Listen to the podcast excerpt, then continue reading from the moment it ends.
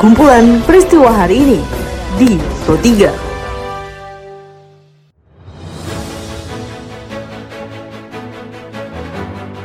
Halo pendengar, saat ini Anda sedang mendengarkan kumpulan peristiwa Pro 3. Pada podcast kali ini saya akan mengulas terkait isu-isu aktual yang saat ini masih hangat atau ramai diperbincangkan di sekitar kita.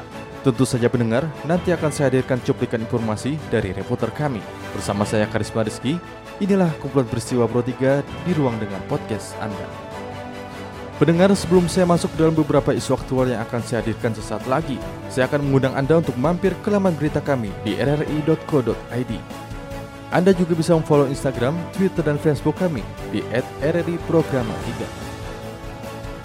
Baiklah pendengar, inilah kumpulan peristiwa Pro 3.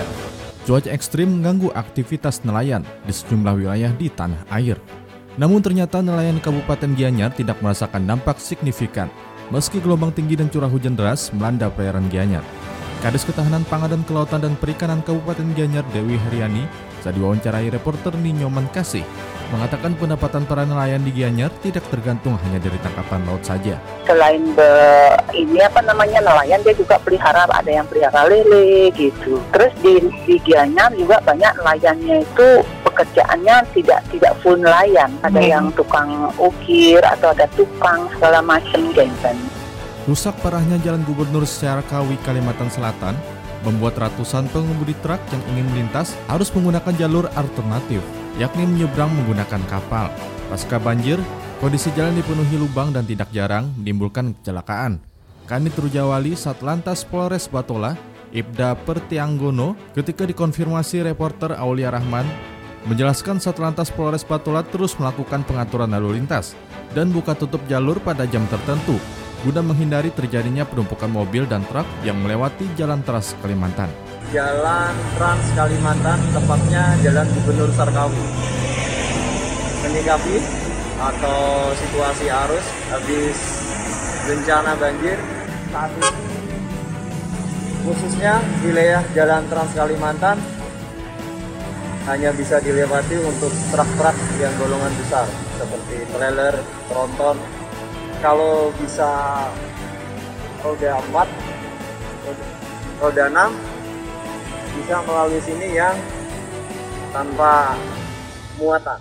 Puluhan pedagang pasar tradisional dan mal di kota Solo menutup usaha mereka pada hari kedua penerapan program Jateng di rumah saja. Pedagang batik di Pasar Klewer Solo, Katrima, saat diwawancarai reporter Fatima Setiawan, mengakui dua hari ini pendapatannya menurun drastis sampai 70%. penjualan dua hari ini sangat-sangat menurun dibanding hari-hari biasa. Karena juga lengganan kan kalau Sabtu Minggu itu jaga ke eceran. Kayak pembeli-pembeli luar kota ya Sabtu Minggu weekend. Itu bagi pedagang kan harap kalau yang eceran buat harapan gitu ya. Kalau banyak yang tutup kan ya ndak ada yang luar kota masuk Berdasarkan laporan reporter ini Herani, asesmen nasional dan pemetaan mutu pendidikan pada seluruh jenjang pendidikan hanya akan diikuti oleh kelas 5, 8, dan 11 di satu sekolah. Menurut Kepala Pusat Asesmen dan Pembelajaran, Kementerian Pendidikan dan Kebudayaan Asrianti, asesmen nasional akan dilakukan usai Kementerian Pendidikan dan Kebudayaan resmi menghapus ujian nasional tahun 2021-2022. AKM itu adalah pengganti ujian nasional. Nah, ini yang perlu dipahami bahwa fungsi fungsinya berbeda ya. Fungsinya berbeda. Jadi, asesmen nasional ini adalah survei mutu pendidikan ya. Jadi bukan untuk mengukur capaian prestasi eh, capaian akademik individual siswa.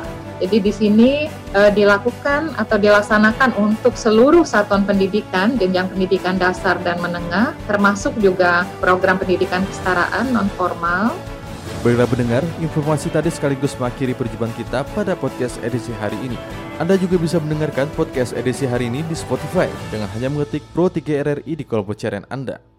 Dan pendengar tetaplah menjaga jarak dan ikuti selalu protokol kesehatan. Saya Karisma Rizky, sampai jumpa.